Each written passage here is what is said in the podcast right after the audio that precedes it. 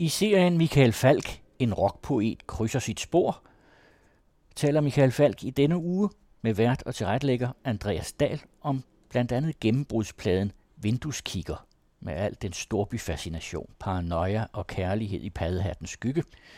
Og det bliver desuden til en snak om lyden af dansk rock i 80'erne, om fremmedgørelse, udbrændthed, flugt og prædikatet Springsteens danske fætter. Michael Falk, så sidder vi her igen. Dejligt. Og den med, her god, med god tid i her stadigvæk, ikke? med god tid, Det er masser af rart tid. for en gang skyld at mærke. Vi tager det øh, fuldstændig i det tempo, som øh, sangene de øh, ligger op til. Så skal vi op i tempo, tror jeg. Så skal vi op i tempo. vi er nået til 1981, og øh, Malurts øh, vel nok gennembrudsplade, Vindueskigger, som kommer et halvt år efter Kold Krig. Hvis du lige kort skal sætte et par ord på øh, den plade. Det, var, det var en sindssygt øh, kreativ periode for mig, fordi øh, jeg, jeg skrev så mange sange inden for det år her.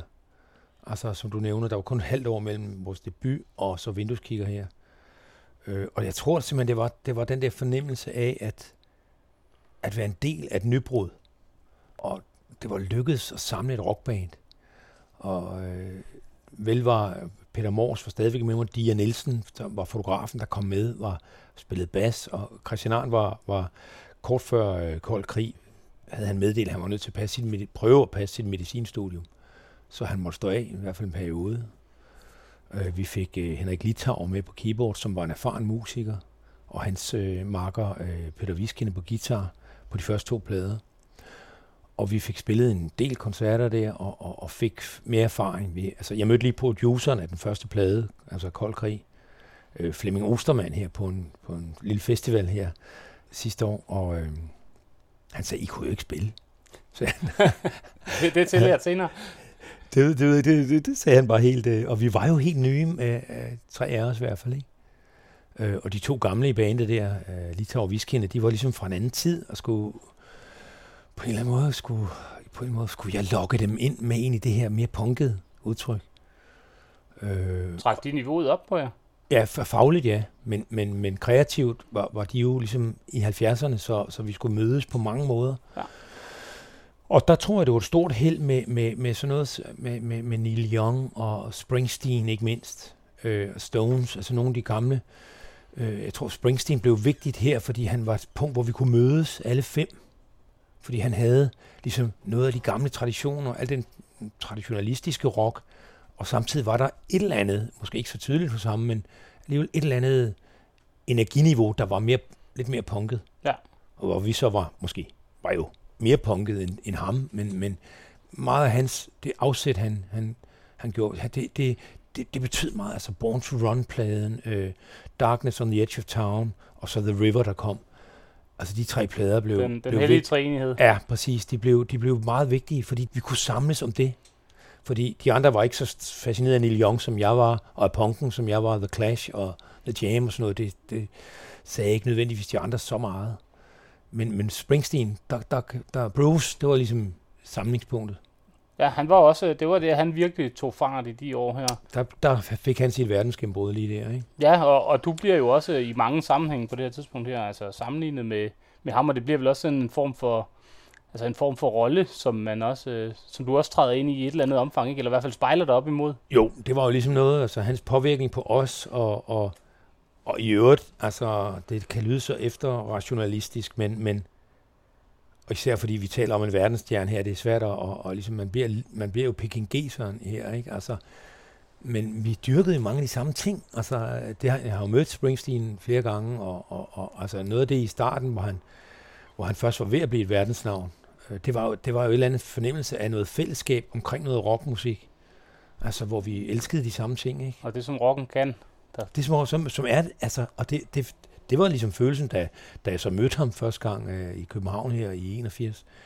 Og han, han så os ude spille først koncert ude i Fælleparken 1. maj, og senere kom ind og så os igen, Fanden Hylmer, for anden gang samme dag ind i Forum. Ja, der er sådan en meget berømt øh, seance, hvor han øh, træder op på scenen, og I synger Hungry Heart. Nemlig havde vi aftalt i, i omklædningsrummet, inden at han, at vi skulle gøre. Og der, der var det jo selvfølgelig stort for os, at en af dem, vi dyrkede allermest, var sammen med os på den måde, og, og, og fandme ovenikøbet gad se os. Men det var endnu højere grad det her med, at hey, vi er på en fælles mission. Rocken kan noget i sig selv. Rocken er en kraft, en livgivende kraft i sig selv. Udenom alt det politiske og alt det der. Som han har jo også som en del af sin bagage, en eller et eller andet socialt engagement. Ja, for man kan sige, nu siger du godt nok, at rocken kan noget udenom det politiske, men Vindueskigger er jo for mig at se en, i virkeligheden en meget politisk plade, men en anden slags politisk plade, end det man kendte tidligere, fordi den beskriver nogle ting i, i samtiden og nogle, nogle strømninger og nogle stemninger, som ligesom ligger i, øh, i samfundet, i hvert fald for en del af samfundet. Ja, altså det er, jeg tror mere, det er sådan noget kulturskildring i virkeligheden. Altså at det mere er, også på en måde, synes jeg, jeg når jeg kigger tilbage på vindueskiggerpladen, og også Blackout, den der kom, så bliver det mere noget med at bruge, for, som, for mig som sangskriver, bruge de der storbystemninger, som en eller anden, et, et sceneri, hvor, hvor, jeg, hvor jeg kunne lade øh, ting ske, og, og mennesker mødes, og de her temaer, altså Superlove for eksempel jo, som tro det eller ej, altså når nummer bliver meget kendt, så det har vi lige snakket om i en pause her, når, når, når sangen bliver meget kendte, så glemmer man ligesom lidt, hvad det handler om, fordi det bliver en eller anden, det bliver noget i sig selv, som bare bliver sådan noget automatik på en eller anden måde. Men ja. Superlove var en sang om fremmedgørelse, og en sang om ligeløn faktisk. altså om det her med... Af alle ting. ja, altså det, det var det faktisk. Altså, det, det, var, det var en sang, som ovenikøbet blev trygt i, kan jeg huske, i, i omegnsbladene, som sådan en eller anden øh, støttesang for kassedamerne. Ja, det er sjovt, når man ser tilbage på noget, mm. det liv, den har fået, ikke? At, det, at det er startet der. Simpelthen. Så. Men en af de sange, som jeg jo rigtig gerne vil tage fat på nu her, øh, når vi skal snakke vindueskiggerpladen, det er jo det sidste nummer på pladen, som er det, der hedder Sidste Station. Og det er jo et nummer, som man må sige, det er jo, det er jo storbyfascination på den store klinge. Altså på den helt store, der er sådan et, øh, der er sådan et, et Gotham-agtigt øh, tema og stemning omkring det. Prøv lige at sætte et par ord på, på den sang. Jamen det er igen det her med noget af det, jeg dyrkede så meget de år i teksterne, det var det her med de her øde, kolde stationsmiljøer. Det er fremmedgørelsen, mennesket, der har ligesom drænet for gammeldags følsomhed. Altså det moderne menneske, der er på vej, computersamfundet i sin vorden, det her med hele CPR-fænomenet, øh, robotgørelsen af mennesket, hele det der, der, øh, der blev sådan en, øh, en kilde for mig til at skrive de her, alle de her nye sange i de år der. Og, og som jo også, kan man sige, i vores reunion i år fylder mest, fordi det er der, der på en eller anden måde er noget, øh, noget der fik blivende værdi, fordi det blev sådan.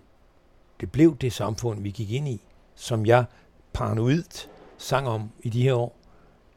Prøv at starte med at kigge på, på den første strofe. Det er den, der lyder øh, sådan her. Ser nattens sidste S-tog. Slippe sidste station. Ansigtet lige blegt i en neondepression. Selv det store supermarked ligner lukket land, og på parkeringspladsen foran bliver drengene til mænd. Der er så mange S'er i den der første linje. Ser nattens sidste S-tog slippe sidste station. Den var svær at synge, hvis man havde fået over tre bajer, kan jeg godt huske. Ja. Øh, ja, men det er simpelthen en, en teknik i uh, tekstskrivningen, som jeg fik fat i der. Så, så der arbejder du med brugen af S'er? Altså, det er altid, ja, altså bogstavrim har altid været et trip for mig. Øh. Ja, nu skal vi jo ind på Lev Stærkt, øh, sådan øh, inden alt for længe. Ja. Jeg kan sige, der bliver det jo, øh, der, der bliver, kommer det jo til fulde ja. til sin ret. Men det her er jo også en ghetto-skildring, ikke? Sådan et billede på øh, køligheden i det samfund, der er ved at opstå på den her tid i tidlige 80'er. Ja, fordi det er vel, altså man får næsten sådan et, øh, et indtryk af, at der er jo, der er jo som taler om et, øh, altså sådan et lidt trøstesløst sted, lidt ja, ligesom Frihedsstation, ikke? Et, øh, et sted med noget junglelov og noget, der, der hersker. Ja, og mennesker, der ligesom transformeres til et andet væsen. Ja. Det væsen, vi er nu. det væsen, vi er nu. Uden at vide det. Altså, var der før den her, den her tid, eller hvad skal man sige, havde du et indtryk af, at der var mere varme sådan mellem mennesker? Er det, er det også noget det, det er udtryk for? Altså, sådan tror jeg, det generelt er, når man ser tilbage, så vil det altid virke som om, at der var mere følsomhed førhen. Det bliver meget lidt noget sentimentalt. En romantisering. Men altså, det er ligesom, når du tænker på din barndoms sommer, så var der altid mere solskin, end der er nu. Det kan godt være, at det er bare ren romantik, og det er sådan noget, mennesker har hang til. Hvis det passer, så har vi eddermame mistet meget, i hvert fald gennem øh, århundrederne. Ja, det kan man sige, ja. hvis det er gået den vej. Så, øh, men der er garanteret noget om det. at der er en pris at betale for den måde, øh, det moderne samfund er skruet sammen på. Tænkte du over, øh, da du skrev de her linjer her, tænkte du over at blive en stemme for de her, altså nu talte om den her store, i sidste afsnit, den her store ungdomsarbejdsløshed, og det her med sådan, hvis man, altså at stå på tærsklen til et nyt årti, hvor det hele det kan være forbi på et øjeblik, og, og fremtiden er jo ikke lysende klar og, og, og lys her i, i starten. Absolut ikke. Den er tværtimod, at det et tvivlsomt øh, foretagende, det der med den fremtid, fordi det virkede som om, omkring hele det med atomkrig og atomkraftværker, altså hele det der, som skabte en enorm paranoia over, kæft, altså eksploderer lortet lige pludselig. Øh, og den der kolde krig, der jo ikke var holdt op, øh, bare fordi vores blad var udkommet. nej, trods alt ikke. Ja, nej, altså, øh, det var jo hele tiden en, øh, noget nærværende, en nærværende frygt, reel frygt for, at lortet ville eksplodere mellem fingrene på os. Og øh, det tror jeg var den øh, sådan en eller anden tidsstemning, der greb mig i de her år på vindueskigger og blackout-pladen, at fuck det her, det vi går på vulkaner altså. Det her kommer ikke til at gå godt. Så, så man kan sige, det var måske den sindstilstand, der tog mig, ligesom garanteret mange andre i de her år, som afløste den der, den der politiske vision fra 70'erne. Ja. En, en, en, en kulturparanoia. For hvor vi er på vej hen. Ja, Eller ikke på vej hen. Eller ikke på vej hen, lige præcis. At enden var nær, altså, som de sagde i gamle øh, religiøse vækkelser, ikke? Enden er nær. For helvede, det her lort eksploderer. Så det var, det var ligesom den paranoia, de sange her var skrevet på. Men det har vel også givet en eller anden form for, for energi i de sange. Man ligesom, Ja, altså, præcis. Man spiller jo, man spiller jo, undskyld udtryk, man spiller jo fandme for livet, når man, øh, når Ja. man ved, det kan være slut om, Det er det. om fem Det er minutter. nemlig rigtigt, det er rigtigt. Det synes jeg, man i hvert fald fornemmer, når man, øh, ja. når man ser, at du bruger det her, altså på det her supermarked med, med drengene foran, drengene, der Ja. bliver til mænd. Der er også noget med nogle, nogle muligheder i det, der er... Ja, yeah, der er noget kriminalitet indover. Der er det, du taler om ungdomsarbejdsløsheden på det her tidspunkt, som var et vigtigt tema, ikke? For de unge gik rundt. Mange, der var en stor ungdomsarbejdsløshed i de år. Og det var et kæmpe problem, fordi hvad fanden laver man så, hvis man er ung og ikke har noget arbejde? Så laver man lort. Så, så det var også et tema, der, der spillede med.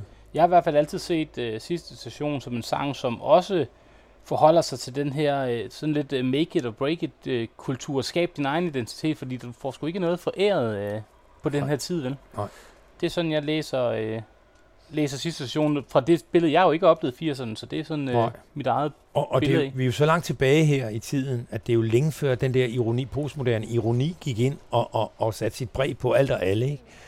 Så man jo i 90'erne nærmest ikke Ja, den der tog overhånd. Den tog overhånd, og den er, altså, mit store håb er, at nu er den ved at, nu er den ved at klinge af. Øh, så nu kan man godt på en eller anden måde nærme sig stærke følelser igen, uden at skulle lægge alle mulige lag af ironi på, eller distance. Altså, og, og det her er jo længe før sådan, ironien tog, tog det, ikke? Så den her paranoia kunne man kunne godt stå der bare. Hvis man går gennem teksten, så nu skal vi jo høre den om lidt, men hvis man går gennem teksten, så har vi den her scene med, med, med supermarkedet og parkeringspladsen, og de her unge mænd, du taler om noget kriminalitet med, at der skal brækkes ind, og der skal, det er med at gribe, øh, gribe momentet lige der.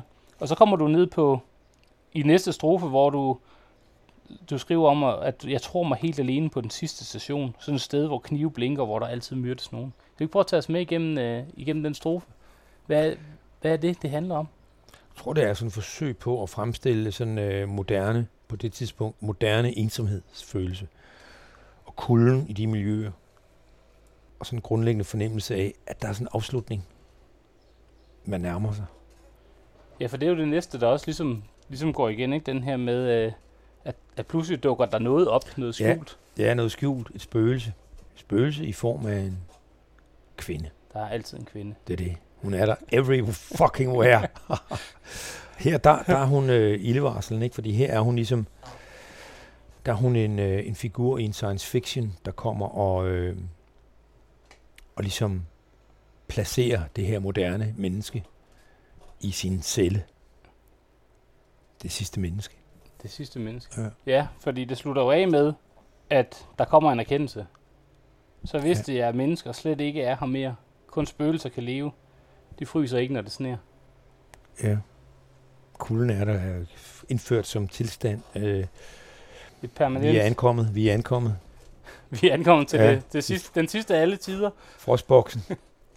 Skal vi ikke prøve at høre det her monument til en uh, no future generation og en, uh, en kold, uh, et koldt årti, vi går ind i, eller i hvert fald kigger ind i? Skal vi ikke prøve at høre den? Høre, hvordan det lød? Lad os gøre det.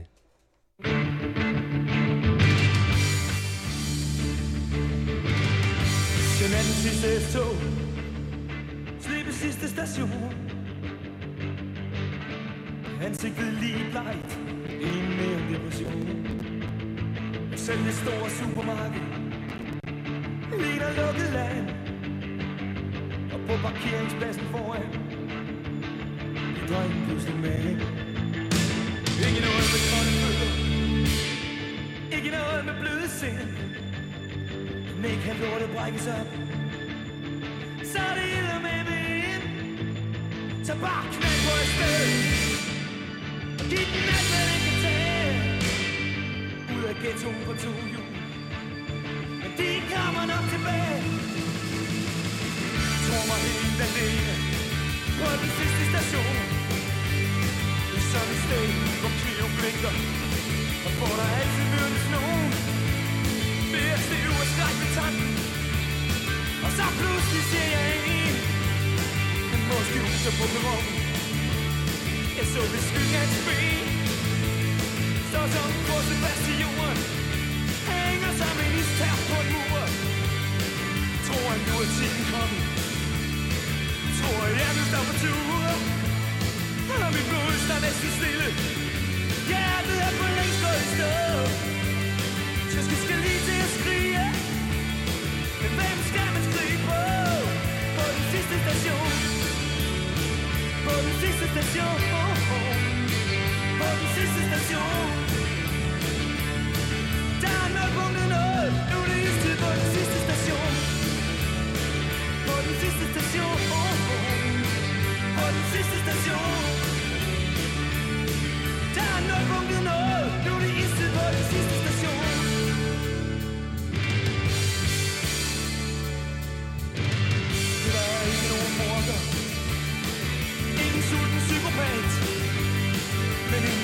mat kvinde. I uniform som en soldat. Kom, sæt dig, sagde hun, sæt dig. Du nåede ikke sidste tog. Og der kommer aldrig flere. Men har dit nummer, dit mål Så det sidste ghetto-lys går ud. Ah, drengene, kom hjem. Hun sagde, følg med mig over pladsen. Til blok 405 så, så, så vidste jeg, at mennesker Slet ikke var mere Kun spøgelser kan leve.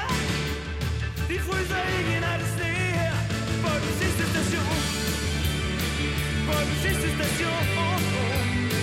På den sidste station. Er nulpunktet nået Nu er det istid på den sidste station. På den sidste station. På den sidste station.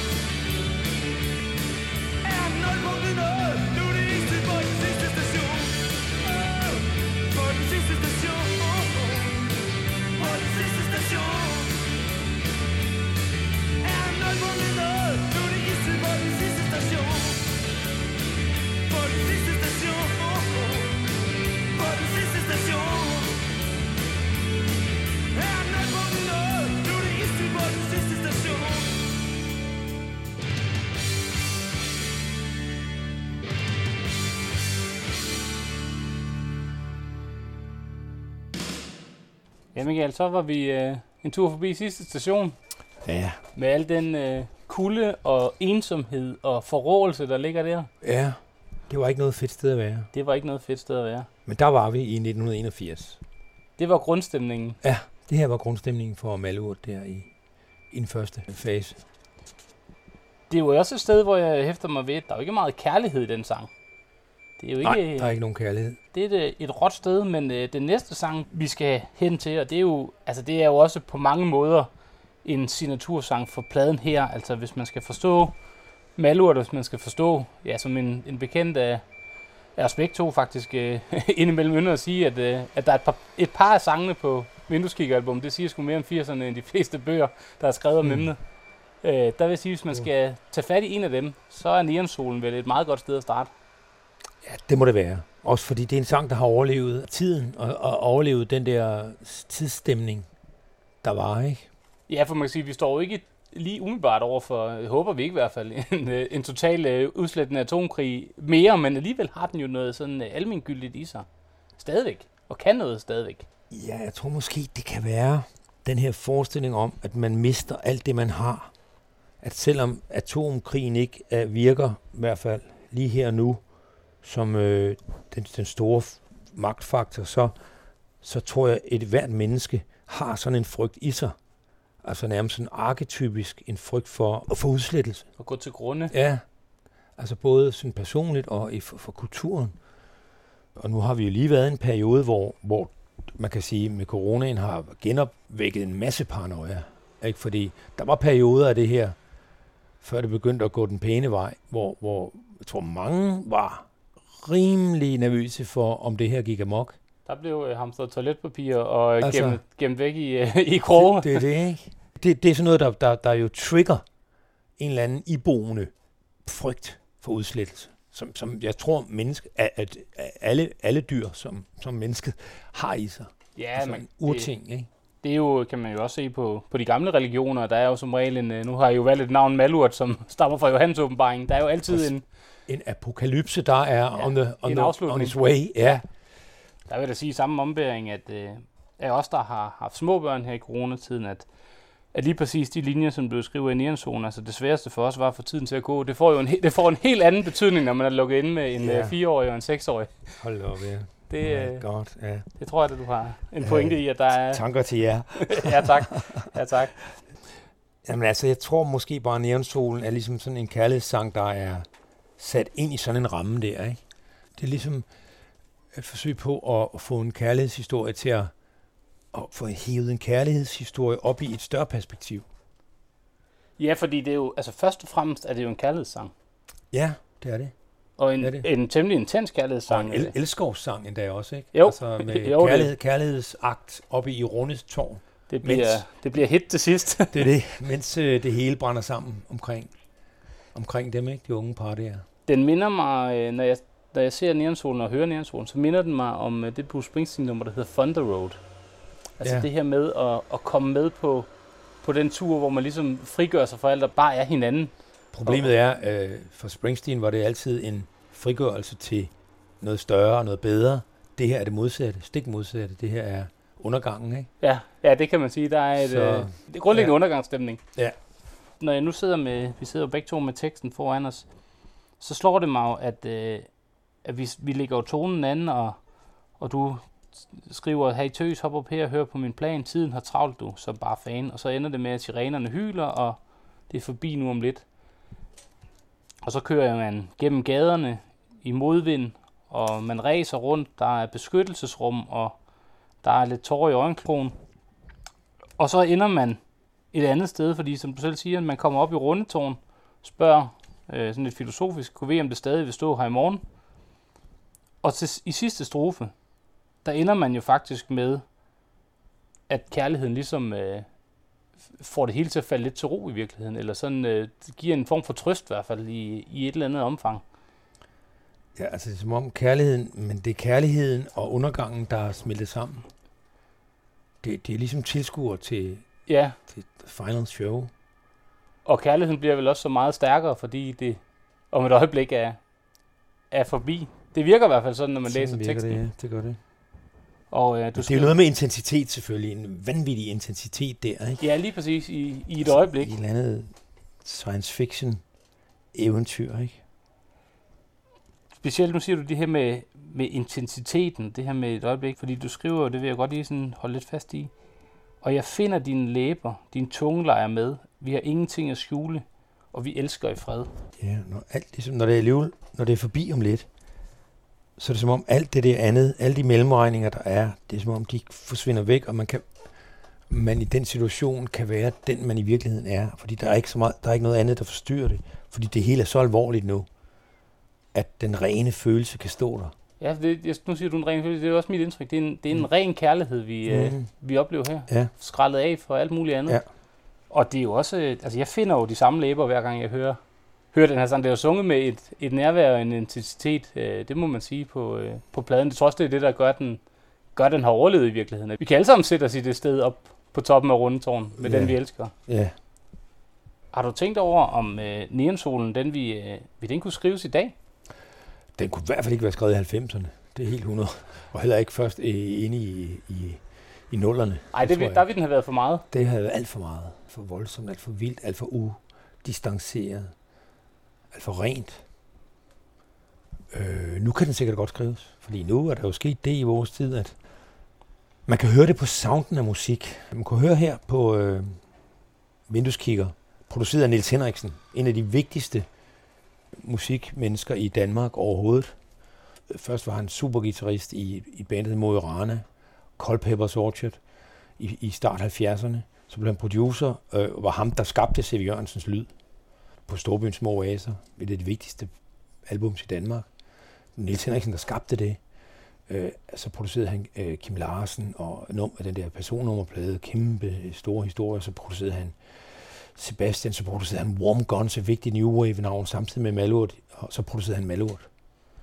Og var lydarkitekten for os. Det var ham, der hjalp os med den her ligesom, lille danske version af noget Wall of Sound-agtigt.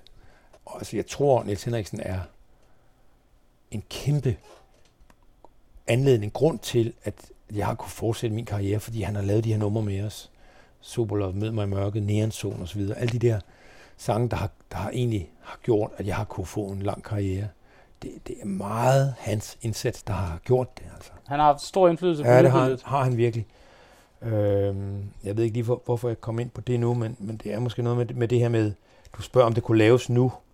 Og det, det han gjorde blandt andet, det var, at han kunne sammen med vores tekniker Flemming Rasmussen der i de tidlige 80'ere, ude i Sweet Silence-studiet, de havde sådan nogle teorier om rumklang, og nogle måder at lave rumklang på, hvis sådan noget med, med det var før de her elektroniske rumklang blev opfundet, så man skulle skabe det naturligt. Og det var jo noget med kælderskakter og alt muligt. Man fik tændte trommerne ud igennem og optog. Og, Man ser det for sig. ja, altså virkelig vilde, vilde, vilde, sofistikerede ting. Og den der rumklang, den blev jo ramt af helvede til i 90'erne, fordi der gad vi ikke høre mere på rumklang. Der skulle det være tørt og helt nært og, og, og, og, og altså ukunstigt. Altså, og, og, og sådan noget. Altså, det kom med helt postmodernismen, at man barberede alt det der væk, de der store armbevægelser fra 80'erne. Nu er vi i en tid igen, hvor der bare bliver bønnet op for rumklangen. Det kan ikke blive stort nok og overdådigt nok, og altså, nu fyrer man af, nu skider man på alle de der øh, fixeringer fra, fra 90'erne og 0'erne, så nu kunne jeg godt forestille mig, at unge bands ville turde gøre sådan noget her igen, og turde være og risikere deres røv på, det er det, det er noget, vi føler og mener, og tror. ja, gå, gå all in på, Ja, gå all in. også på noget storladen. Der, Og på det storladende, lige præcis. Og risikere at, at falde og brække halsen på det. Ja, det er jo så det næste. Man, øh, når, man, når man tør køre det op i stor skala, så Ja. er risikoen for, for den store derute jo også til det. stede. Der er jo meget mere safety zone i at, og ligesom ikke råde sig ud i noget, man kan blive taget til indtægt for, for alvor. At have Så- det der ironi som, Præcis, den, præcis. som skjoldet. Lige, lige nøjagtigt, ja.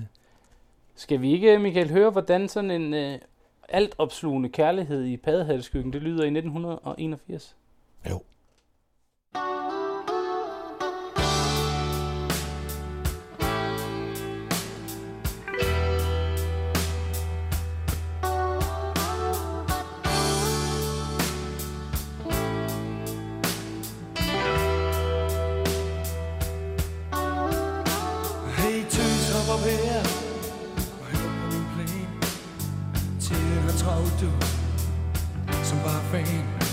Tag min hånd og sig til Når du vil, du tør. Prøv noget nyt. Noget vi ikke har turet før. For knappen er trykket. Snart er helvede hit.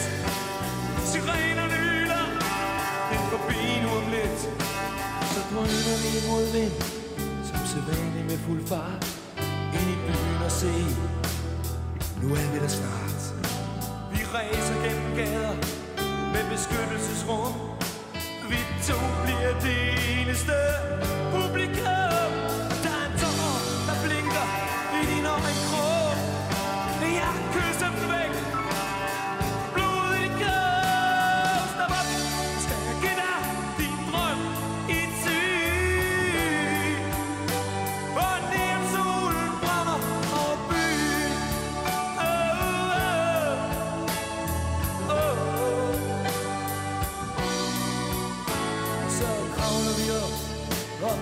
Med tårn. Du ved om det stadig Stå i morgen. Og kan du huske hvad du lovede Hvad der ikke kunne ske Kan du huske hvad vi troede? Vores liv kunne blive til Og svar mig når jeg spørger Hvor meget der var at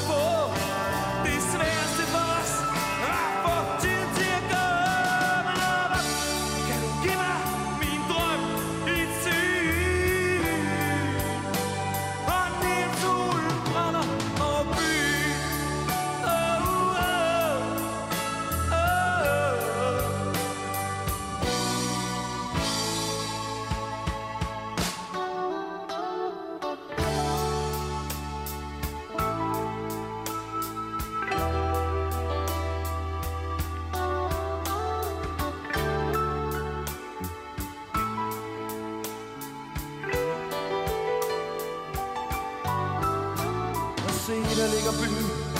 Og hvad siger du, når jeg spørger? Har verden nogensinde været så fred før? Vi sidder hånd i hånd Med øjnene tændt. Kun vi to kan vide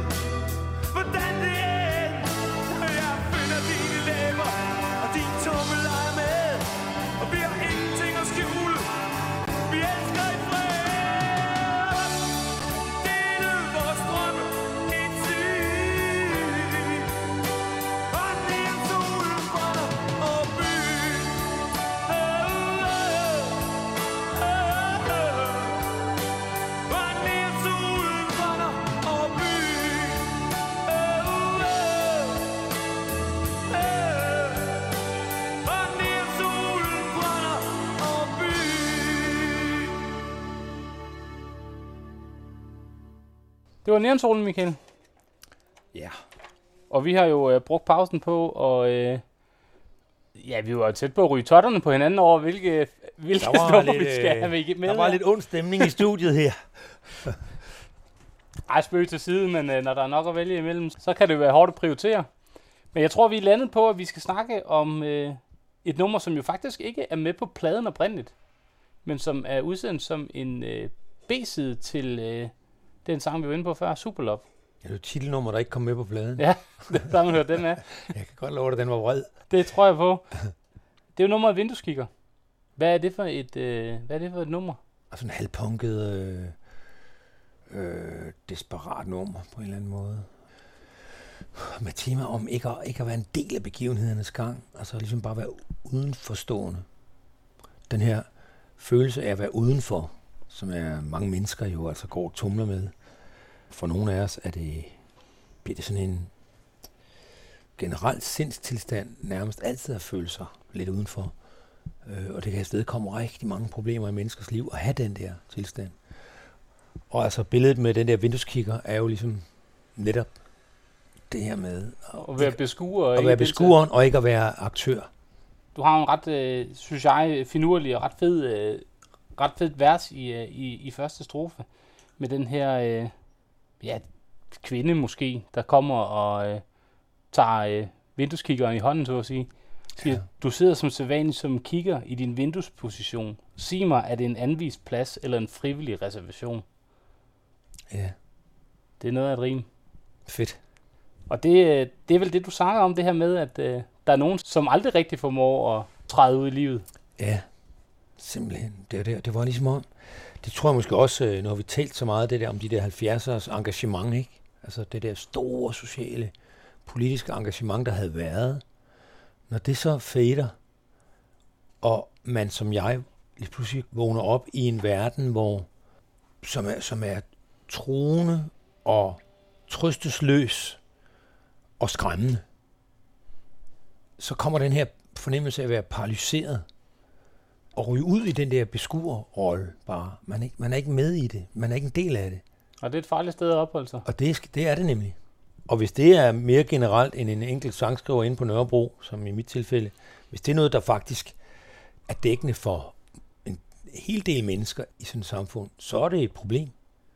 Det er, det er spild af liv, Ja, hvis man sidder der som ja. passiv beskuer. ja, Men det er jo også en sang, som, som jeg synes viser lidt omkring den måde, du også skriver tekster på på det her tidspunkt her, fordi det er jo også en, det er også en kærlighedssang et eller andet sted. Der er jo noget, noget kærlighed med, man bliver taget med af en, af en kvinde. Øh, Det er som om det er der, der er redningen er altid i kærligheden. Ikke? Det er jo frygteligt primitivt på en måde. fuldstændig banalt, Ja. men ikke desto mindre, så sniger det sig jo ind alle steder. Men jeg synes, der er noget, måske, Måske fordi der er noget om det. Det kunne være, det kunne være Altså, den nærliggende forklaring. Banaliteter bliver kun klichéer, fordi der er dækning nok for det, de udsiger. Ikke? Selvfølgelig er der ingen af os, slet ikke som sangskriver, er man, er man særlig vild med noget, der er alt for klichépræget. Men der er altså en grund til, at noget bliver kliché. Det er, når det fungerer. En, en god grund endda, Nej, fordi der er dækning for det.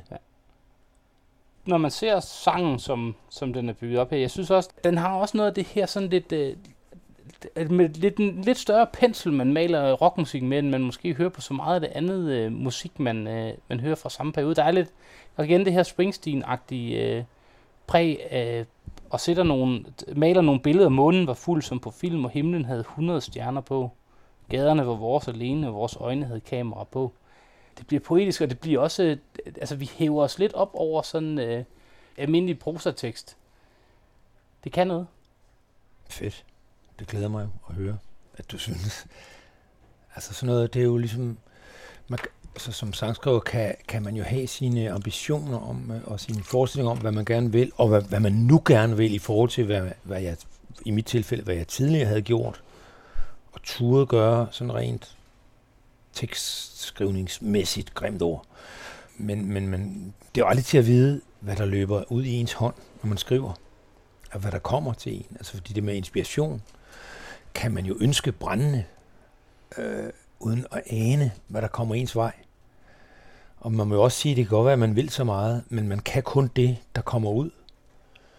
Så det er ikke, fordi du har sat dig ned med en plan om, at nu vil Nej, jeg skrive om Aldrig det nogensinde. passive Nej, menneske. Aldrig nogensinde. Det kommer, meningen kommer ligesom allerede i første vers nærmest, altid for mig. Der kommer nogle linjer, og så dukker der et eller andet større bagvedliggende tema op, som jeg så har måske nok har for øje resten af vejen i, i teksten, ikke? Men, men ikke, ikke som sådan et eller andet færdigt, øh, øh, en agenda for, hvad, hvad den her sang skal, skal gøre og kunne. Det kom, meningen kommer. Meningen opstår, ligesom mange af os opfatter det i livet, at meningen er ikke noget, der er givet på forhånd, men den opstår hen ad vejen.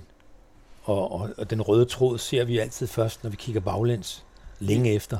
Livet lede forlæns og forstås baglæns. Altså, øh, hvis vi nu skal... Apropos klichéer. skal ja, præcis. Hvis vi nu skal.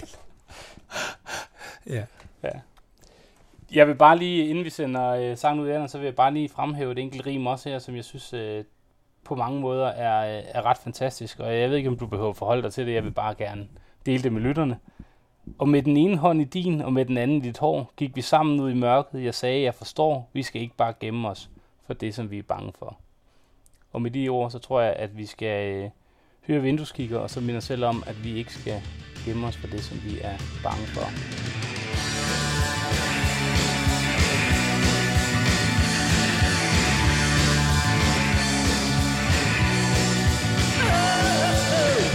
Byen og Natten var for længst faldet på Du kaldte på mig nede fra mørket Så hørte jeg dig banke på Du sagde du sidder så tilbage så vi kigger I din vinduesposition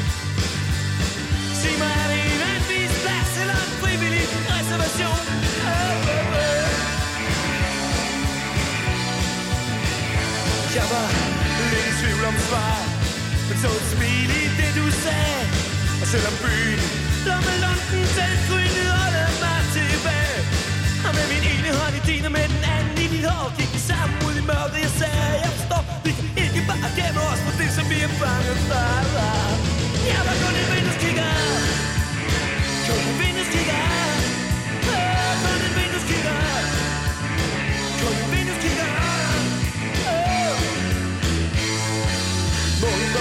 på film Himlen havde hundrede stjerner på. Og gaderne var vores alene Vores egne havde kamera på. Og mens verden lå med Marit Så tog dit nummer og din trøje. Af. Og du tegnede med din tunge på mit nabeskin Gennem fremtiden til mig Og der var ikke noget med tid, som absolut skulle slås ihjel. Ikke noget med kun at kigge, vi kunne tage det helt selv. Vi var nøgne hele natten, lige til vi skulle sige farvel. Jeg var kun en vindueskigger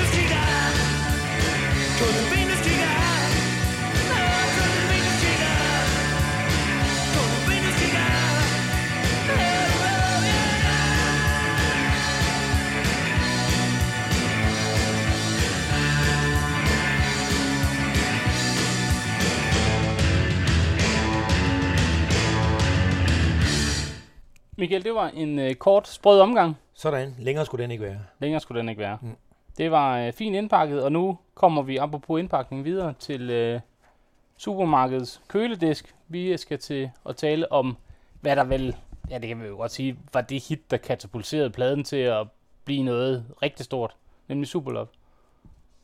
Ja, det var, det var det nummer, der gjorde forskellen. Fra at være et lille upcoming øh, rockband, at til at Malwood blev noget, som man kendte rundt omkring, og vi begyndte at få flere koncerter, og, og, og det hele voksede. Ikke? Altså, og, og den store, store oplevelse med den sang her, Superlove, den kom i, i Forum den der aften, hvor øh, Springsteen stod og så hele koncerten nede foran, og havde, han havde stået sammen med en øh, medarbejder på hans pladeselskab, som stod sådan og oversat teksterne, og han så vores lysbilledeshow, så han kunne ligesom forstå, hvad det handlede om det hele. Og den aften, samme aften var første gang, vi hørte publikum synge med på omkvædet på den her sang. Ved du, ved du, Fedt. Break My Heart. Uh, så det var lidt en stor aften der, 1. maj 1981, hvor vi blev for det første havde Bruce stående der, og vi havde øh, 7.000 mennesker, der pludselig sang med på det her omkvæd. Første sang nogensinde, nogen havde sunget med på af mine. Ja, så får Så- den sit eget liv på en eller anden måde, ikke? når folk de ligesom tager den til sig Jo, og, og lader den løfte sig. Det er jo det, der sker, altså men når, når, når sangen får lov at opleve det at blive, øh, blive et hit. Altså fordi så havde Mylius den med i et tv-program kort tid efter, og der var dengang, der kun var én tv-kanal i det her land, så det vil sige, at alle havde set det der indslag fra Brosen ude i Husum, hvor vi Ja. øh, mimede til den her sang. Og det gjorde jo altså, at det, det bare, alle kendte det nu pludselig. Ja, så, så bliver man lige pludselig øh, verdenskendt i Danmark, når Ja, man har været med det- der. Når man var med i øh, 3-4 minutter i et tv-program på DR dengang, så kendte alle det. Hvordan kunne I mærke det? Alle begyndte at synge det her omkvæd, lige meget når de så mig rundt omkring, og øh, sangen blev spillet hele tiden i radioerne, og radioen på, på P3, øh, på DR. Det var dengang den radio. udvalget var mindre. Ja, nemlig. Og var det sådan 18 år, man ligesom mærker Ja, den der... øh, Det var simpelthen 18 år. Det var simpelthen det for, øh, det, som er så få få nu om stunder, fordi der skal så mange forskellige ting til nu at pushe et gennembrud, ikke? Ja. Men det kunne jo komme så på en, en fredag eller lørdag aften en gang. Bang. Og så var man øh, Så er man katapulteret Ja. op. Simpelthen. Og så skulle man på alle festivaler, man skulle alt lige pludselig. Nu var du inde øh, på tidligere i programmet øh, baggrunden for den her sang her. Altså Ja. hvad, den, øh, hvad den handler om. Du snakkede om at Støttesang for Kassedamen. en støttesang. Simpelthen. Ja. Kassedamers vilkår. Det der med ubegribeligt med, jeg kunne ikke fatte, at ligeløn var noget, der stadigvæk skulle kæmpes for.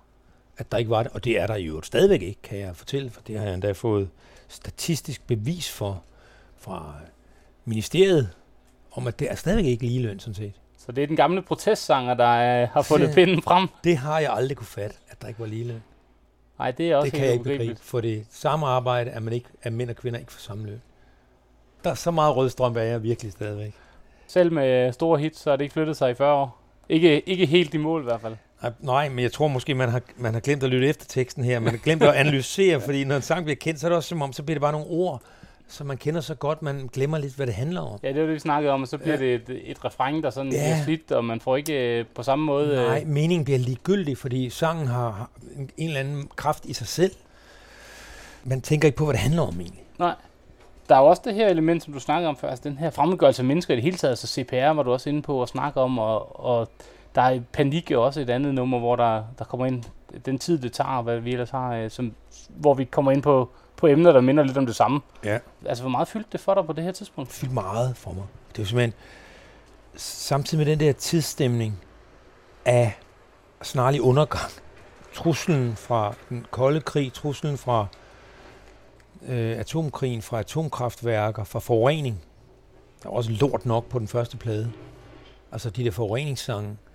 Altså alle de der øh, ting, der pressede mennesket, samtidig med, at vi ligesom var kommet ud af de oprørske 70'ere, hvor mennesket var i protest, altså mennesket, mange mennesker, for eksempel i Danmark, og over hele verden i øvrigt, var i protest mod den måde, det kapitalistiske forbrugssamfund præsenterede sig selv, de magtmidler, der blev brugt, også ude i verden, imperialistisk, Mellemøsten, hele den vestlige verdens virkelig, virkelig grumme fremfærd i den tredje verden. Alle de der temaer Samtidig med, at vi blev nu, her i start 80'erne, blev mere og mere sådan lullet ind i en eller anden forbrugerisme. Glem alt det der protest. Glem alt kritikken, kulturkritikken. Prøv nu bare at nyde. Du skal fandme have et campingvogn næste år. Du skal fandme da have dit eget sommerhus. Øh, der skal der være råd til det. Nu skal... Jamen, hvad er det for et gammelt fjernsyn, du har? Det, det skal være lækkert, det nye. Altså hele det der, vi, det der måde at blive spundet ind i sådan en, en, til, en, en tilstand af øh, materialisme. Altså hvor de der mere socialt engagerede og åndelige værdier fader mere og mere til fordel for et eller andet sindssygt forbrugsvæsen. Altså, der var en øh, filosof, der hed Herbert Marcuse, som var egentlig en tysker og var flyttet til USA og skrev nogle fantastisk spændende bøger om den her fremmedgørelse. Øh, om den her måde, meget raffinerede måde, det moderne øh, kapitalistiske samfund fik fortryllet borgerne på, så man glemte sin protest og bare lod sig lulle i søvn. Sådan en, øh, en slags opium for folket. Præcis, præcis. Og det ser man jo også i den sang her. Det er jo Ja. øh, kassedamen, der slet ikke formår at indfange øh, Nej. forsøget på at, at kurtisere hende. Ja, altså det er jo øh, fremmedgørelsen, der har forvandlet den her kvinde, så hun ligesom ikke er påvirkelig øh, af indtryk af følelsesmæssig art. Ikke? Det er det her med, som meget af vindueskikkerpladen handler om, den måde, man bliver følelsesmæssigt frigid i de her år. At men, det moderne menneske mister mere og mere sin følsomhed, og bliver mere og mere et kynisk væsen, der passer meget bedre ind i det moderne samfund, der er på vej. Altså det samfund, vi er i nu. Det moderne samfund. Det moderne samfund. Ja. Vores samfund nu, som vi her i start 80'erne begav os på vej imod. Og man kan sige, det er jo en tekst, som... Øh, altså, den indeholder jo i virkeligheden noget humor. Den her tekst, når man ser den sådan... Øh, der er jo lidt af det ironi, ironi du ellers har... Øh. Et freudiansk slip, det var ikke meningen. men lidt af Jo. det, du ellers har harceleret imod, det ser man jo faktisk her. Der er den her scene, som du øh, maler op, hvor jeg får øh, endelig taget mod til sig og, og henvender sig til den her søde, søde kassedame, Iskold. der iskoldt slår prisen ind på kassen. Maskine. Ja. og bare svare med 12,5, som senere er blevet messet, eller råbt Nogle gange rundt omkring i landet. Det er jo, det er jo et fantastisk billede, man ser det for sig, ikke? Da man endelig har fået taget Ja. ja. alt det mod til sig, som man ikke har haft længe. Ja. Og så får man en, en iskold afvisning. Der er ikke noget at gøre der.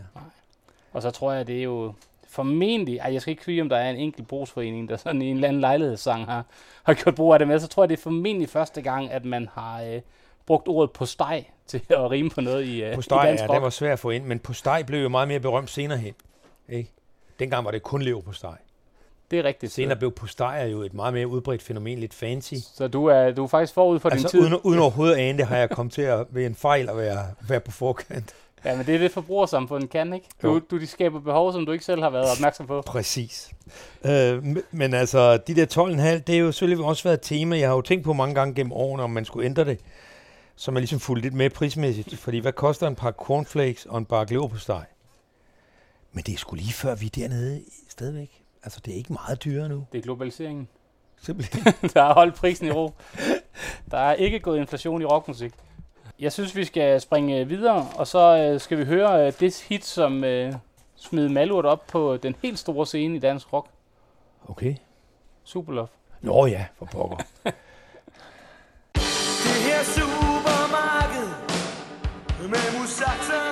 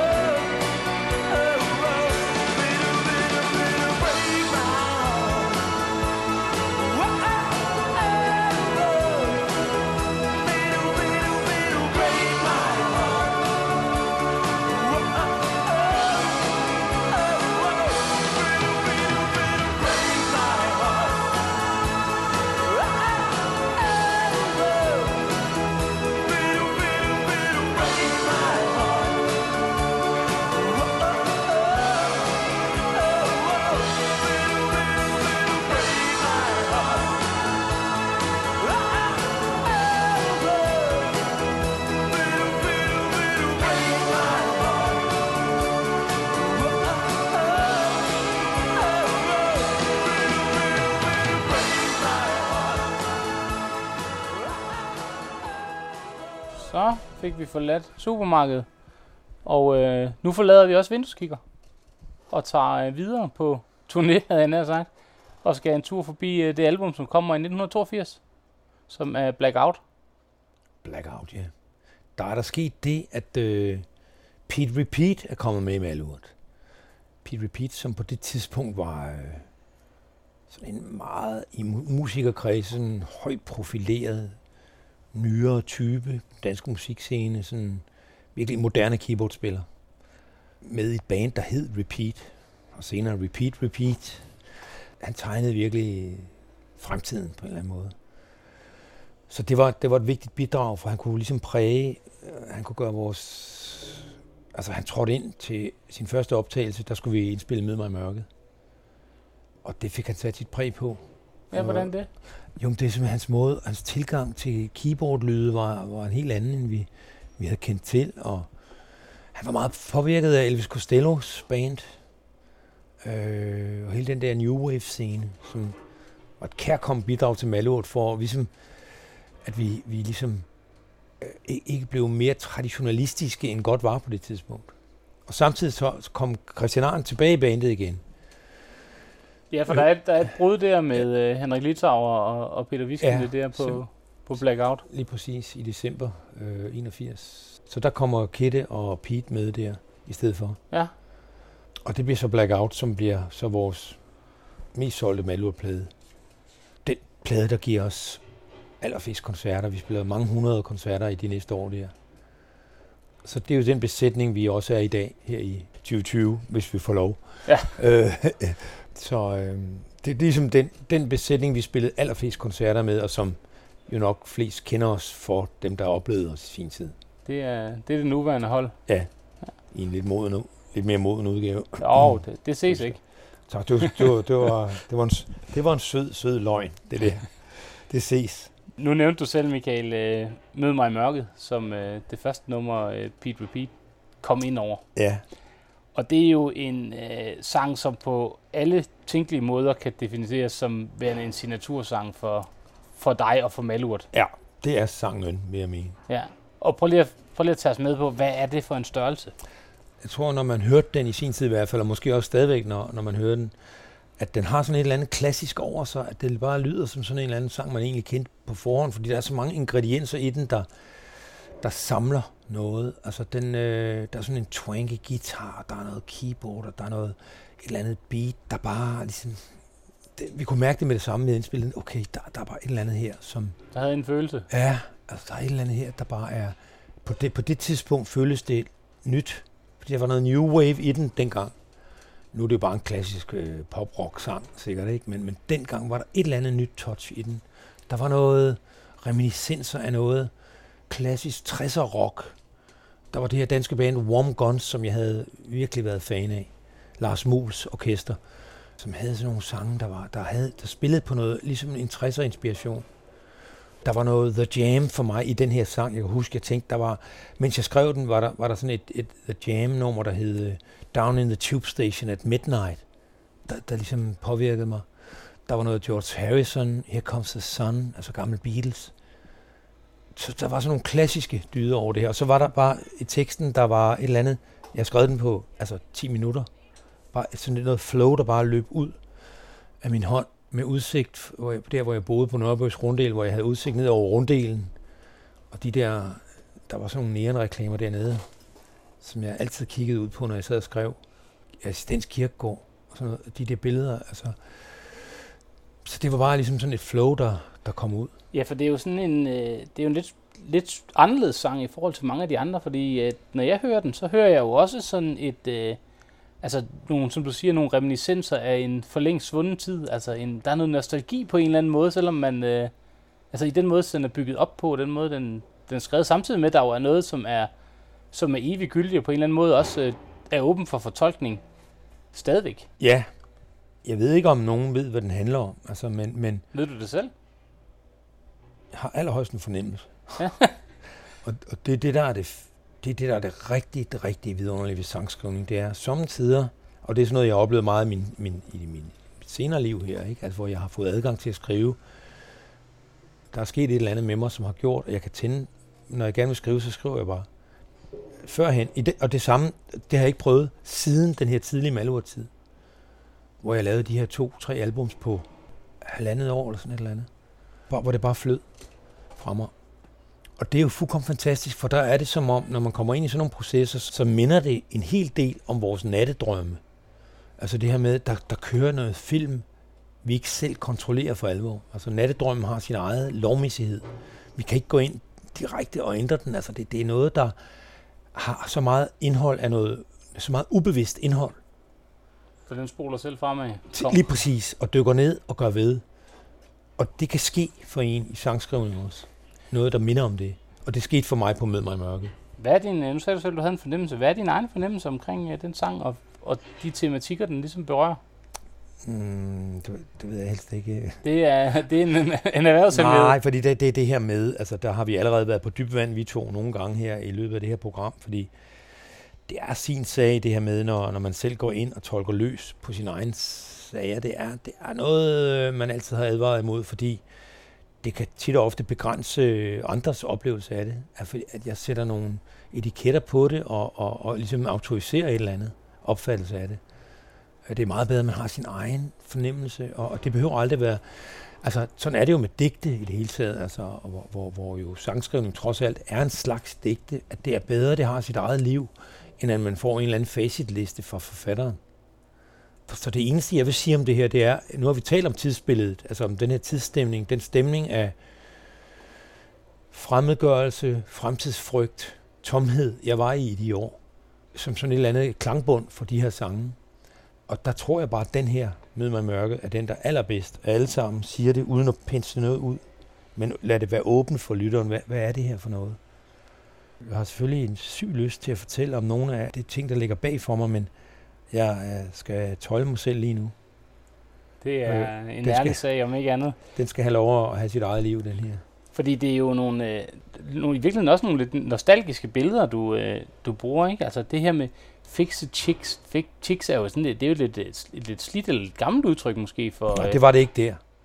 det, er, det er det mig, der har overfortolket i min unge alder, der er... Ja, for det, det, det var et nye ord der. Det var, sådan, det var sådan Kim Larsen, tror jeg, der har været med til at, at fordanske amerikanske ord. Jamen, jeg tænker på, det er jo sådan noget fra, altså, tilbage fra gasolintiden, Det ikke? er sådan noget At det gasolins er- vibe, ikke? Og som, Jamen, det er det, jeg som, mener. Det Som er jo Dan Tyrell også gik ind og, to, og tog af, ikke? Så det der med at kunne synge om chicks, det, det, var, det, det tror jeg er Kim Larsens fortjeneste, at man kunne begynde at bruge amerikansk slang i, som dansk. Altså ligesom jeg havde det der med i, i en del numre at synge engelske linjer, Break My Heart, Black Out, Black Out, altså alle de der, på den måde at integrere engelske udtryk i dansk på, som jo også var nyt dengang. Så det var ikke, egentlig ikke kliché på det her tidspunkt. Nej, okay. Jamen, Endnu. er jo, Det øh, blev det, men det var det ikke endnu. Nej, og så er det jo sådan nogle, øh, sådan nogle billeder som en, øh, altså en revolvermand og en øh, dame i en jukebox og sådan noget. Det, er jo, det giver i hvert fald mig nogle associationer til en, til noget, en for længst svunden tid i et eller andet omfang. Ikke? Altså noget, øh, noget 60'er rock, det var du lidt inde på selv. Øh, øh, 50'er måske også i virkeligheden. Øh, sådan nogle af, de, nogle af de billeder, der bliver tegnet op her. Det er i hvert fald den følelse, som... Ja, det var ikke meningen, kan jeg godt fortælle dig. Det var ikke meningen. Men, musikalsk var det meningen at have nogle reminiscenser af noget 60'er-agtigt, men i teksten var det et virkelig et forsøg på at lave et billede af noget, der var blackout, altså 1981-82.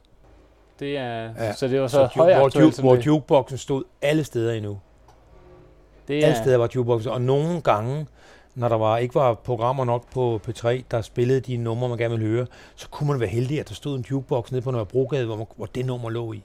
Så mange gange, når jeg cyklede igennem byen, så lige hoppede jeg ind på en eller anden café, var der ikke dengang. Det var sådan nærmest værtshus, hvor der var den jukebox, hvor jeg lige skulle have proppe nogle øh, penge i og høre det der nummer. Lige nå at have det med. Ja. Jamen, det jo fantastisk. Det er jo det, som, øh, det, er jo det, som stor poesi kan, øh, at give muligheden for selv at, at tegne det ind i sit eget billede. Siger, Det, det her er jo som sagt øh, altså, din signatursang, og den sang, som, som vil følge dig alle dage. Altså, hvordan har du det med det i dag? Har du et, et nært forhold til den, eller er den sådan blevet mere distanceret for dig over tid? Jeg elsker den på en eller anden måde. Det gør jeg bare. Jeg kan, og hver aften er den ny for mig. Jeg er som om hver eneste aften, og det hver eneste aften er betyder hver eneste aften, fordi jeg kan ikke, jeg kan ikke spille en koncert eller noget uden den her. Fordi den er øh, mit hjerteblod på en eller anden måde. Det er den sang, der, der er det bærende for mig, og har været det lige siden. og øh, jeg kan stå ved den, og øh, selvfølgelig kan man sige, det er altid, når man har indspillet en sang, er der altid bagefter noget, man selv vil ændre, og der er der selvfølgelig noget, som alle andre kender, når de har hørt sig selv på en optagelse, ikke? altså ved, hvor åndssvagt man lyder. Øh, Det er klart. der er ting i, i min stemme, der er ting i måden, jeg lever, synger på, og så, der er ting og sager, der er altid vil være sådan lidt, mm, hvorfor gjorde jeg ikke det, hvorfor gjorde jeg det, hvorfor gjorde jeg ikke sådan, alt sådan noget der, men den sang, den er med altid. Har den, har den ændret sig for dig? Altså nu siger du, Ja, du har et meget ja, skarpt ja. ja. tidsbillede der i 81-82, men, men har den ændret sig den dag i dag, når du Ja, ja, ja, synger for- den og har den? Ja, fordi dig? så for eksempel i mange år har jeg jo spillet den med det band, jeg samtidig er så heldig at kalde mit, med det mit unge band, med brødrene Skærbæk i, i spidsen. Og med dem får den jo en anden tids vibe, fordi de er jo 90'er. De er jo øh, grunge-mennesker. Og så får den deres ligesom, vibe med sig, og bliver en anden sang på den måde. Ikke? Plus vi altid forsøger at ligesom lige skubbe lidt til den, så den aldrig er den samme sang. Og jeg har et eller andet løfte til mig selv om, at øh, den her sang må aldrig blive bare volapyk for mig. Altså jeg er nødt til at lægge sjæl i hver eneste linje, hver gang jeg synger den. For hvis jeg ikke gør det, så svigter jeg den, og så svigter jeg hele min oprindelige, ungdommelige forestilling om, hvad rockmusik kan være omkring intensitet, altså livsintensitet.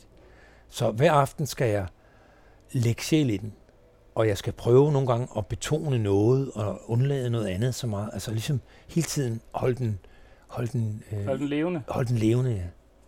Det synes jeg er en god udgangsreplik til at få øh, lyttet til Møde mig i mørket. Lad os gøre det.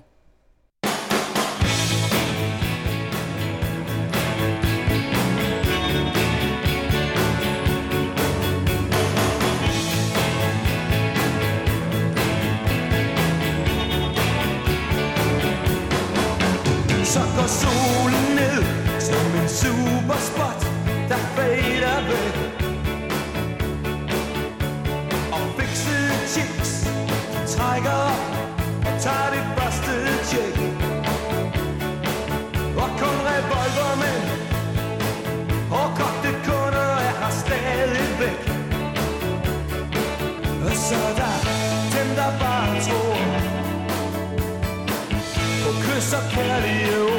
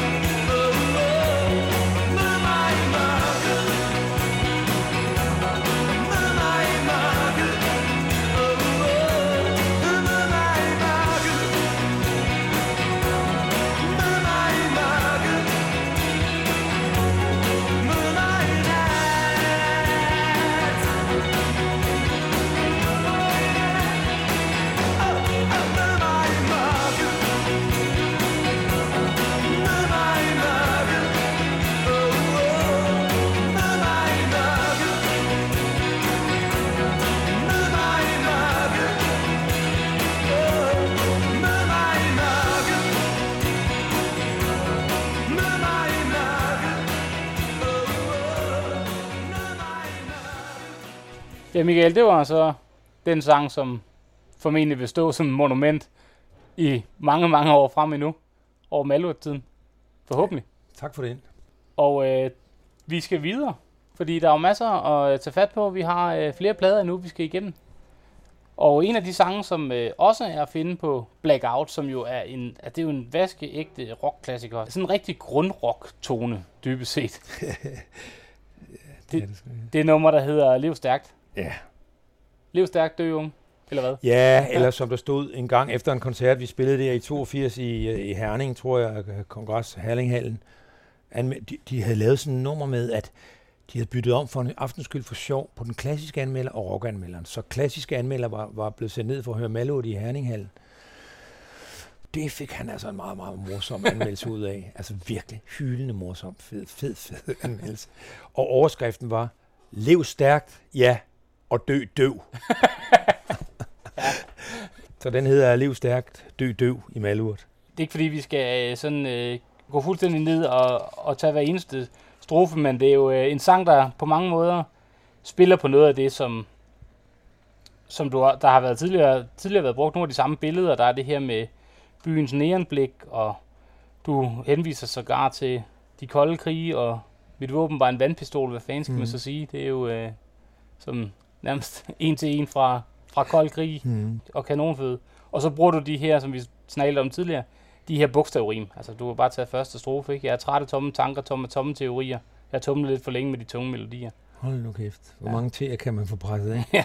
men, men, men sagen er omkring de bogstavrim, at det er jo ikke bare for sjov. Øh, det er jo fordi bogstavrim har en eller anden effekt, øh, når man synger, fordi det, øh, ja, og, og taler. Men når, øh, i sange har, gør det simpelthen øh, ordene mere melodiske.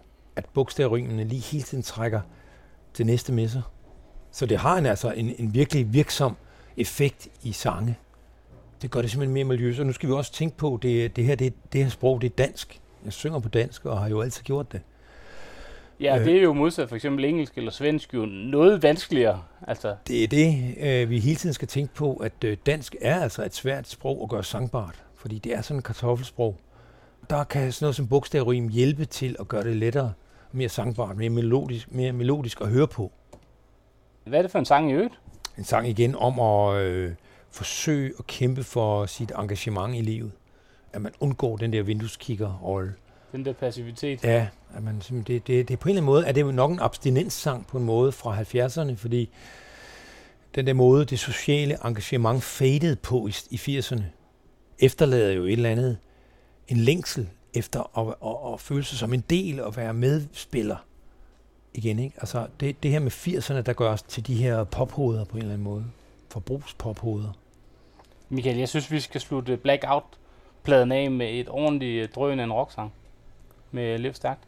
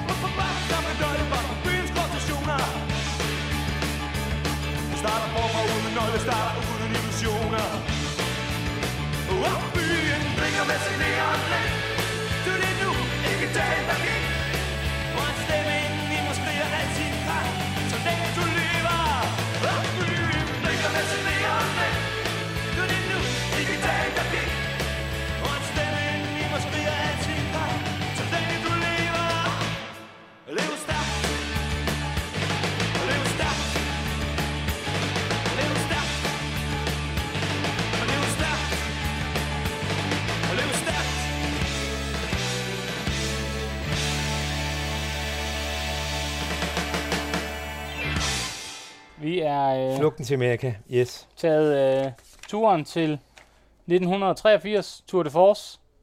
Malurts tredje album. Fjerde album. Nu er det værd. Fire album mere. Fjerde album. Ja. Og øh, det er jo en sang, som øh, starter med, kan man sige, sin titel og parafraserer Christian Winter. Det gør den nemlig. Lige og præcis. til Amerika. Simpelthen. Og fandt sin trøst på bunden af sagosuppen. Om den lille dreng, der drømmer sig til det store land og kommer hjem igen Ja. i Efter en lille, lille sviptur. lille sviptur i fantasiens land, ja. Ja. Hvad er det for en størrelse, vi har med at gøre her, Michael? Det er en flugtsang. Ja. Det er desværre, må jeg sige nu, øh, en flugtsang fra Malurt og fra Showbiz og det hele. Altså, jeg var, jeg var ved at være færdig. Jeg følte mig udbrændt fuldstændig. Jeg havde levet alt for intenst, alt for hårdt. Du har levet rockmyten. Ah, for helvede, det havde jeg godt nok. Og var ved at være udbrændt. Også mine temaer var ved at være udtømte. Øh, hele det der Scorsese, Main Street øh, trip, jeg havde været på, var brugt op. København som kulisse, det var som om, jeg kunne ikke, jeg kunne ikke pine mere ud af de der kulisser.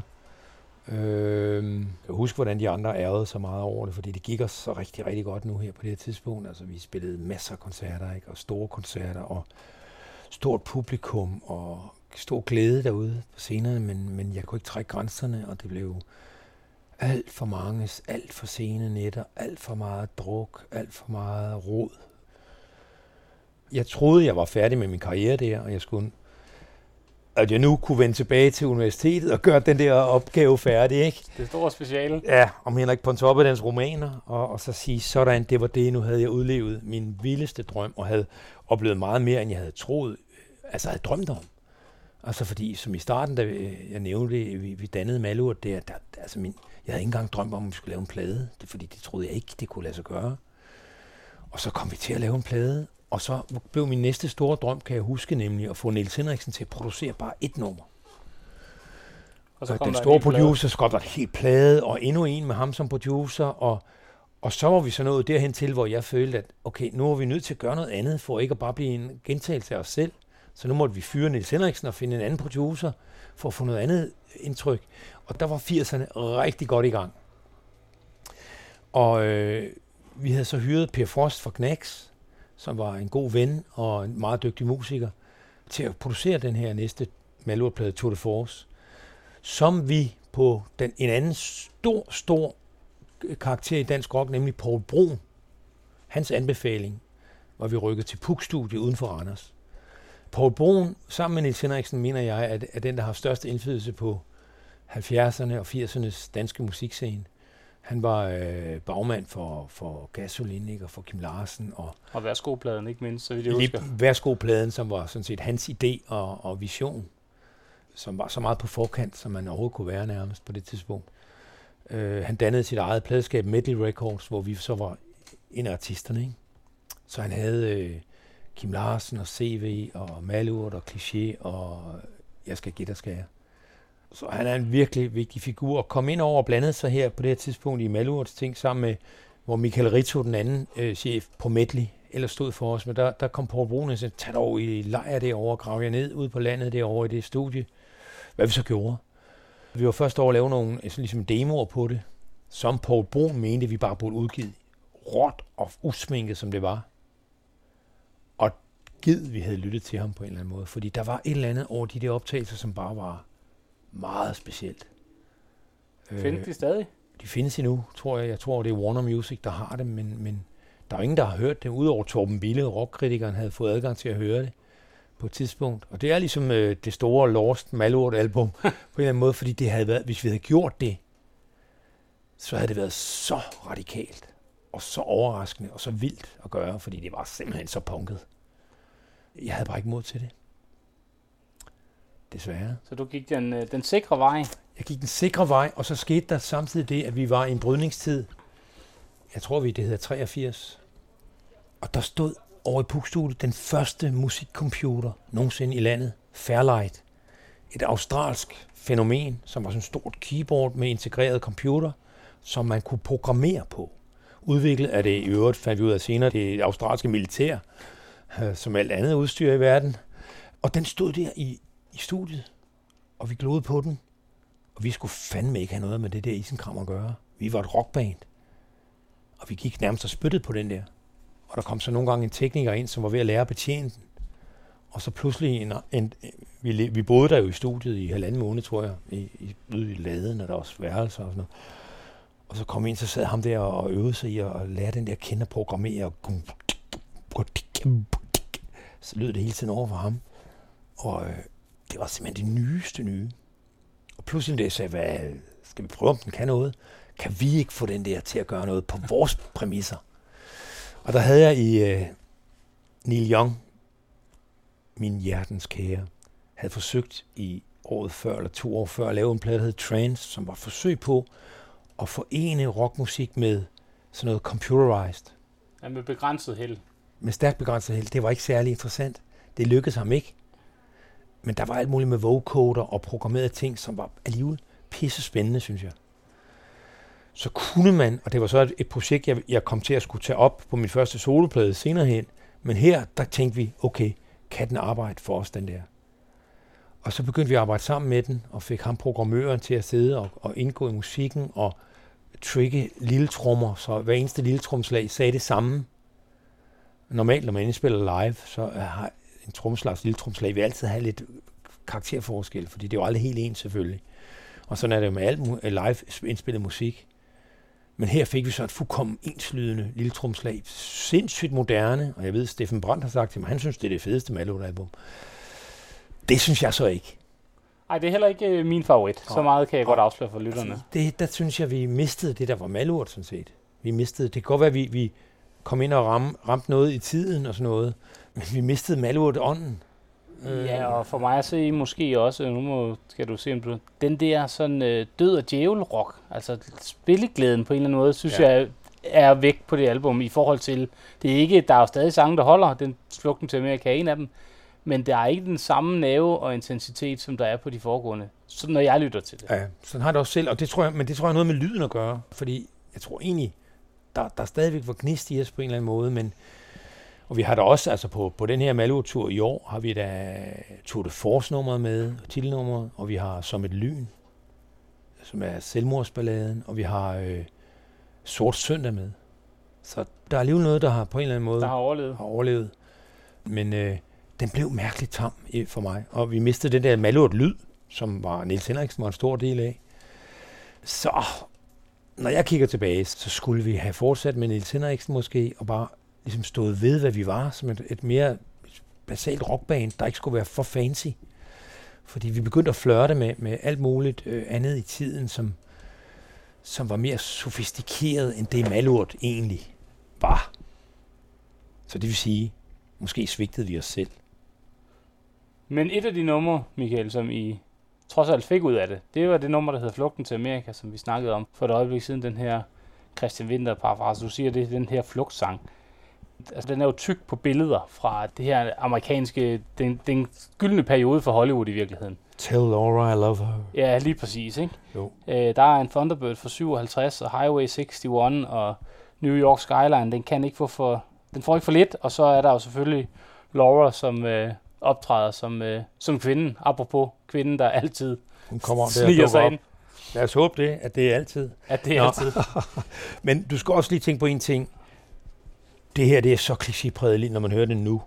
Det vil jeg sige til mit forsvar, det var det ikke i 83. Fordi der var de her billeder ganske vist måske klichéer i USA, men jo ikke på dansk, havde det jo ikke været på den måde øh, voldtaget, det her, øh, de her billeder. Det her amerikanske billede. Ja, Men jeg synes jo, når jeg lytter til den, den dag i dag, og jeg hører den jo med, med friske ører, havde jeg nær sagt, for jeg er jo ikke barn af 80'erne, så er det jo også lidt et opgør med, med nogle af de her forestillinger, som der er i, i rockmusikken i det hele taget, og i den her amerikanisering, og måske i virkeligheden også et opgør, men det må du rette mig, hvis det er forkert. Men om Springsteen er blevet lidt et, et å, om det er blevet en rolle, som... Ja, og det tror jeg i virkeligheden også har at gøre med den der måde og behovet for at ændre vores lyd, altså gå nogle andre steder hen. Det var meget det der med Springsteen, at han havde været en, en af de store inspirationskilder for os sammen med The Clash og Neil Young.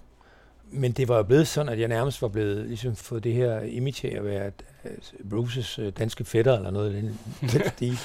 Og fint nok, men man kunne ikke sige mig eller Malurt, uden også at sige Springsteen dengang. Og, og, og på en eller anden måde var det jo ikke min drøm som menneske at være ligesom sådan en mere eller mindre kloning af en, en anden, og i det her tilfælde en stor udenlandskunstner. Min drøm havde jo så været at prøve at formulere noget, der var mit specielle tonesprog og min vibe og mine temaer. Så, så her begyndte mit kærlige opgør med Bruce, fordi jeg var nødt til at frigøre mig fuldstændig fra ham, for at kunne føle, at jeg kunne komme hen et sted, hvor jeg kunne ånde frit igen. I den dybeste respekt for ham, men jeg var nødt til at slå op med ham. at være dig selv. Ja, Og det er jo så også det, der sker, fordi øh, i hvert fald jeg i sangen møder jo Laura ved grænsen til Kentucky, og da det når til det helt store, dyre forløsende, og der skal siges de tre magiske ord, så øh, ved hun, hvordan slutningen den bliver det her. Og som jeg tolker sangen, ligesom i Christian Winters digt oprindeligt, jamen så krakelerer en del af, af den her opstillede virkelighed. Det her fantasirejse, og vi lander et andet sted. det gør vi nok. Og øh, jeg synes, vi skal øh, tage turen til øh, Amerika.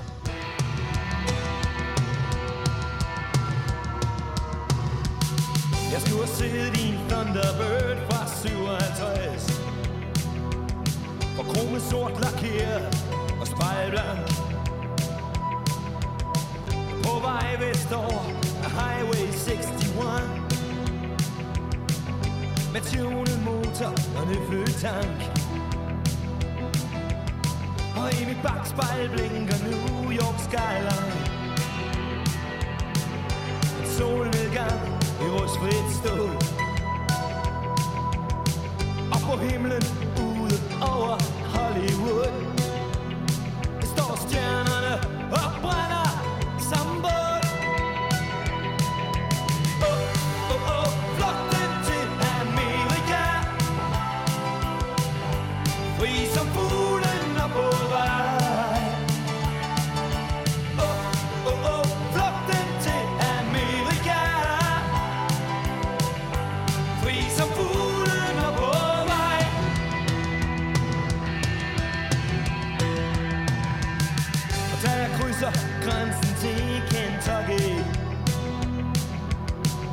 Står Laura klar som en drøm.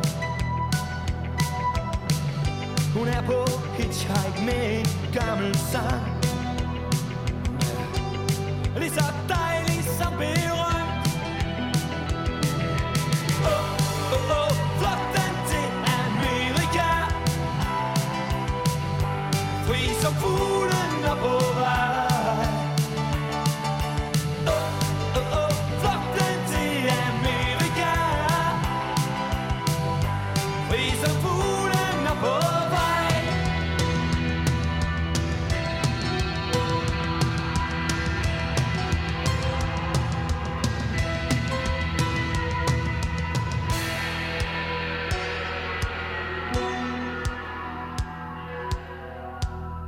så stop et par timer til. Med det lange lys og landevejen for os selv. Og hen ad midnat gør vi holdt Og bryder ind på et tomt motel. Og der er neonskilt, der blinker og blinker. Take what you need. Som skulle lokkes til det Vi ligger bare stille og med hinanden og håber, at det her eventyr vil vare ved. Og jeg får lyst til at sige de tre ord til Laura. Og jeg tænker, lyder det dumt, hvis jeg siger. Da hun kysser mig, siger hun har været før. Og hun ved, hvor den slutning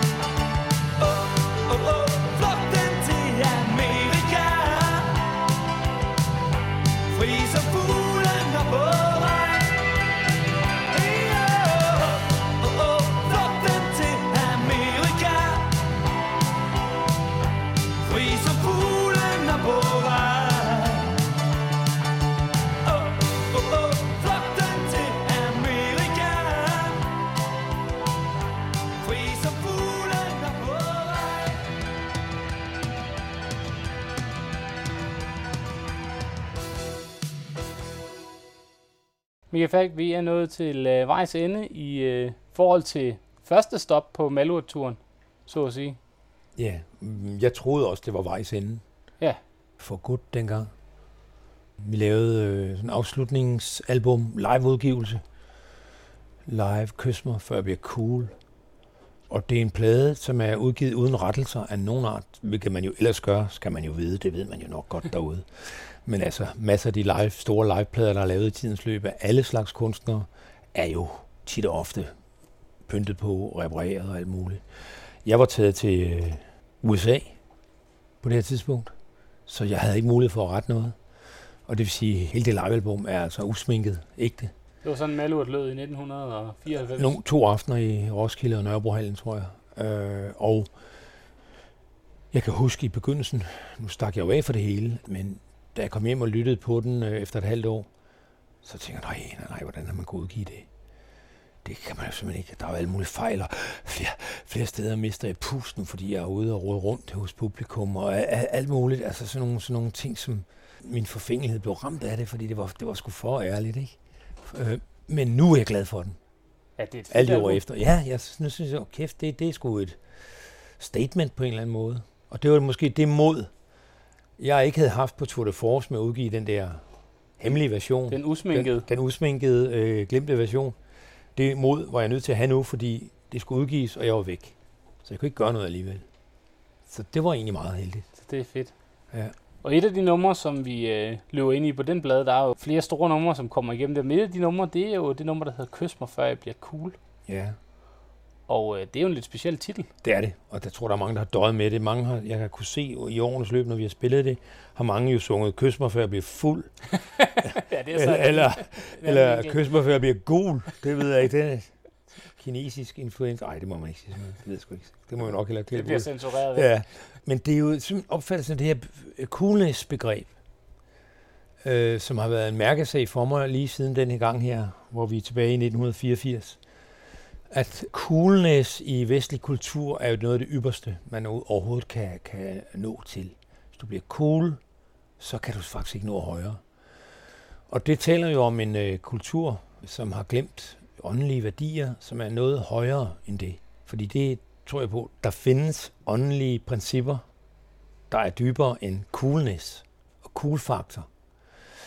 Og som det ligger i ordet cool, så handler det om kølighed, det vil sige måden, at man bringer sig selv hen til at blive upåvirkelig af ydre omstændigheder. Man er ikke bevægelig længere. Man er blevet Den her, den her Clint Eastwood. øh, Clint. Eastwood, øh, Clark Gable, John Wayne, øh, alle de der øh, amerikanske filmhelte, der har bragt det her cool-faktor. James Dean. Altså, den der upåvirkelighed, det der med, jeg er værnet mod verden. Fuck you. Et teflonlag. Simpelthen. Jeg, jeg, har, jeg har beskyttet mig. Jeg er ligeglad med, hvad andre tænker og mener. Jeg er ligeglad med, hvad andre føler. Det er simpelthen fuck you-effekten. Og den effekt bliver dyrket så sindssygt meget i vores kultur.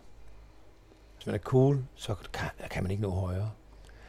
Og det var den her sang et første spædt forsøg på at gå ind og skubbe til. Og det har jeg så forsøgt i tid og utid lige siden. Fordi for mig er coolness et kæmpe tab. Altså det er simpelthen en nederlags øh, tilstand. En forsvarsmekanisme måske. Forsvarsmekanisme og en, øh, en fattigdom. Rigdommen finder vi, efter min mening, når vi tør være bevægelige, når vi tør lade ting påvirke os og, og forandre os, når vi ikke er fastlåst i en eller anden, enten selvfed rolle, jeg-rolle, eller vi er bare i total forsvar. Fordi bag panseret er der ingen ægthed. Så det er det, som sangen den øh, griber ind i, altså det her med, at man skal altså gribe kærligheden, inden man kommer derud, hvor man ikke rigtig kan føle eller lade sig påvirke. Er det det? Det er simpelthen det med at, be- at bevare sin bevægelighed, og bevare sin følsomhed, og lade være at opfatte følsomhed som svaghed. At ture gå med den, også selvom det er risikofyldt, og selvom det er meget nemmere end til en uh, distanceret, iskold beskuerrolle. Sådan noget. Lidt ligesom i ionien i virkeligheden. At kunne Faktisk. distancere noget, Faktisk ja. holde det ude fra sig. ja. Ja. Det er mit korstog mod coolness og ironi. Et øh, opgør mod øh, Simpelthen. den der følelsesmæssige armslængde-princip. Et øh, livslangt øh, forsvar for krakkeleringerne. Det er fantastisk. Jeg synes, at det skal være det afsluttende bemærkning i forhold til en øh, god snak om øh, den første Malurt-periode, for vi vender tilbage. Fordi Malurt vender tilbage. Og øh, så får vi behandlet øh, dels din solokarriere og øh, anden ombæring af Malurt, når vi ses næste gang. Men jeg synes, vi skal slutte af med det nummer, der hedder Kys mig før jeg bliver cool fra benævnte liveblad. Se. Jeg er en drømmer, en blind fantast Der ikke fatter en kæft Ude af vil ved retningen rundt På gulvet i tidens geschæft jeg kom som pæn med gode manerer Drømmen om matchet til men tak for tonevej, spark bagud og ud i den iskolde sne. Så kys mig for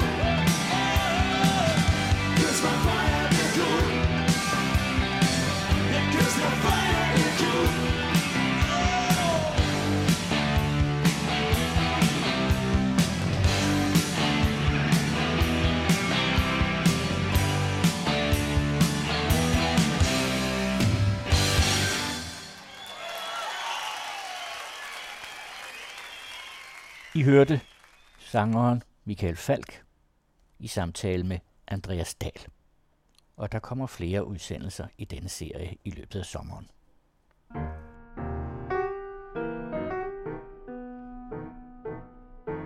Du lytter til den anden radio.